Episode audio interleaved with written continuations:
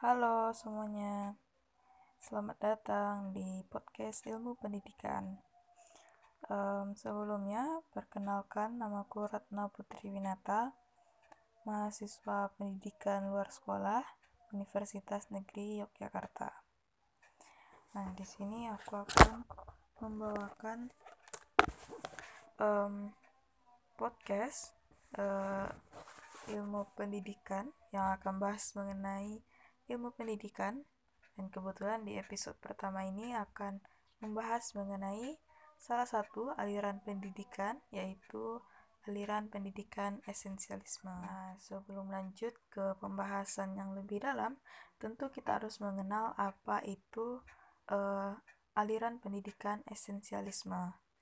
Nah, secara etimologi, uh, esen esensialisme itu berasal dari dua kata yaitu esensial yang artinya inti atau pokok dari sesuatu atau yang mendasar uh, yang sangat diperlukan dan isme yang artinya aliran atau paham.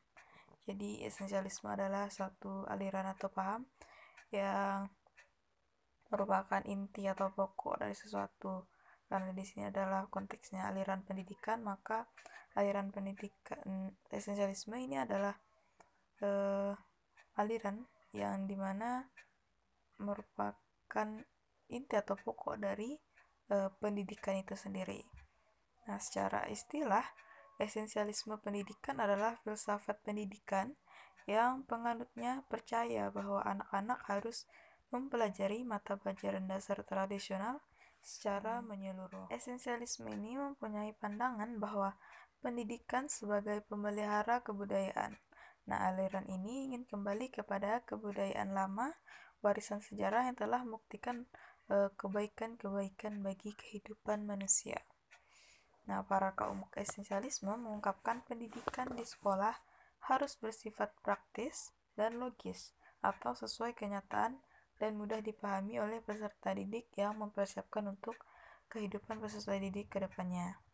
Menurut filsafat esensialisme, sekolah harus melatih dan mendidik peserta didik untuk menerapkan budaya-budaya warisan yang lama yang telah membuktikan kebaikan-kebaikan pada kehidupan manusia. Esensialisme ini juga memandang bahwa pendidikan harus berpijak kepada nilai-nilai yang memiliki kejelasan dan tahan lama, yang memberikan kestabilan dan nilai-nilai tertinggi yang tertata dan nah, jelas. Nah, selanjutnya akan membahas mengenai sejarah dari aliran pendidikan esensialisme ini sendiri. Nah, aliran ini berpedoman pada peradaban sejak zaman Renaissance. Pada zaman Renaissance telah berkembang dengan megahnya usaha-usaha untuk menghidupkan kembali ilmu pengetahuan dan kesenian serta kebudayaan purbakala terutama di zaman Yunani dan Romawi. Dalam zaman Renaissance muncul tahap-tahap pertama dari pemikiran esensialis yang kemudian berkembang. Selanjutnya sepanjang perkembangan zaman Renaissance itu sendiri yang punya ciri-ciri utama yang berbeda dengan aliran. Nah, ada pun beberapa tokoh utama yang berperan dalam penyebaran esensialisme ini, yaitu di antaranya Desiderius Erasmus, Johann Amos Comenius, John Locke, Johann Heinrich Pestalozzi, Johann Friedrich Froebel, Johann Friedrich Herbert, nah, dan lainnya yaitu ciri-ciri dari aliran pendidikan esensialisme ini sendiri. Yang pertama yaitu minat-minat yang kuat dan tahan lama, yang sering tumbuh dari upaya-upaya belajar awal yang memikat atau menarik perhatian dan bukan karena dorongan dari dalam diri siswa.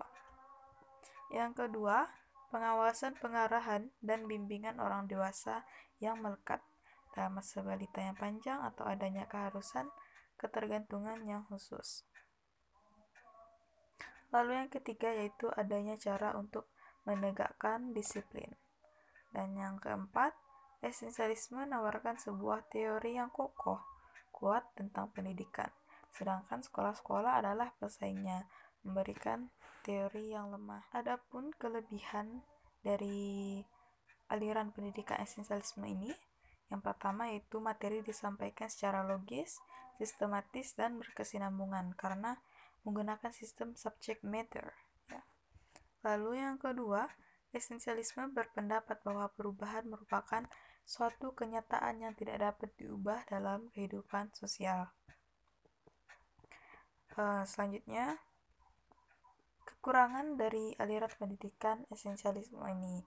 Yang pertama, sekolah tidak boleh mempengaruhi atau menetapkan kebijakan-kebijakan sosial.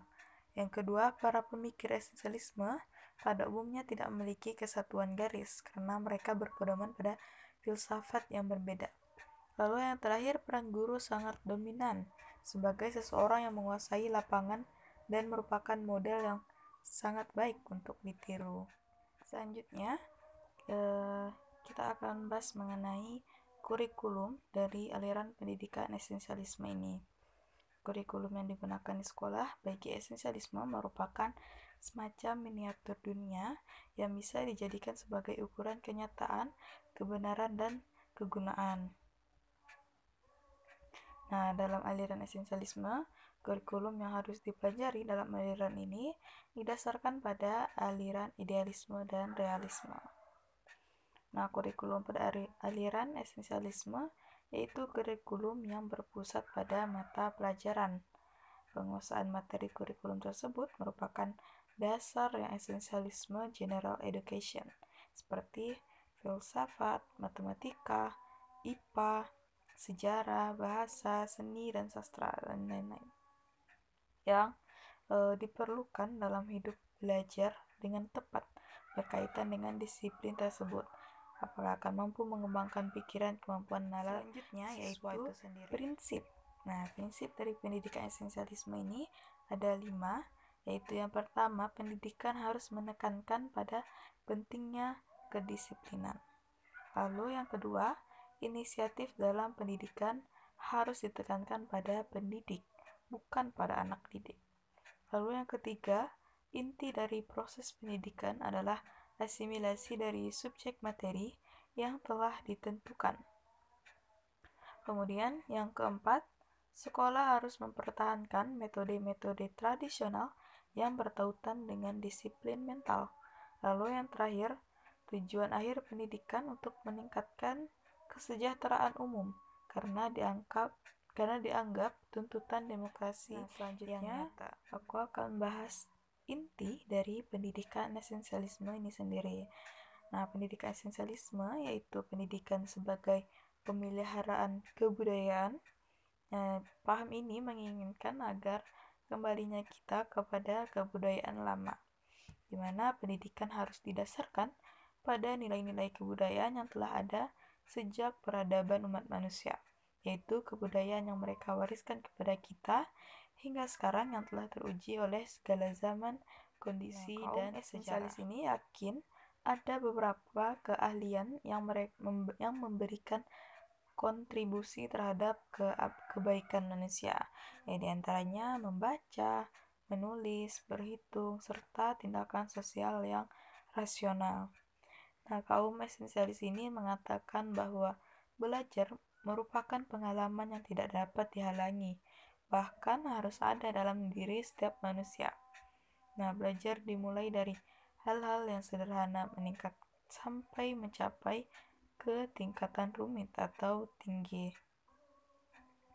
Nah, belajar juga memerlukan ketekunan dan sistem yang terjalin erat satu sama lain sehingga diperoleh pengetahuan yang utuh nah, dan itulah jadi e, penjelasan mengenai salah satu aliran pendidikan yaitu esensialisme. Nah, aliran pendidikan ini bukan hanya esensialisme saja, tapi e, ada banyak seperti idealisme, konstruksivisme, perennialisme, lalu progresivisme, lalu um, ada juga konvergensi, lalu naturalisme, nativisme, dan lain-lain.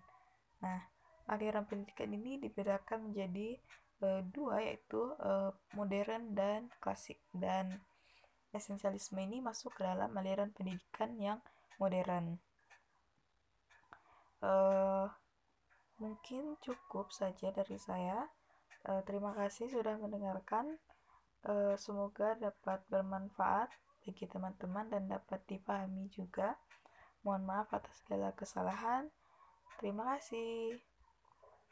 Have a good day.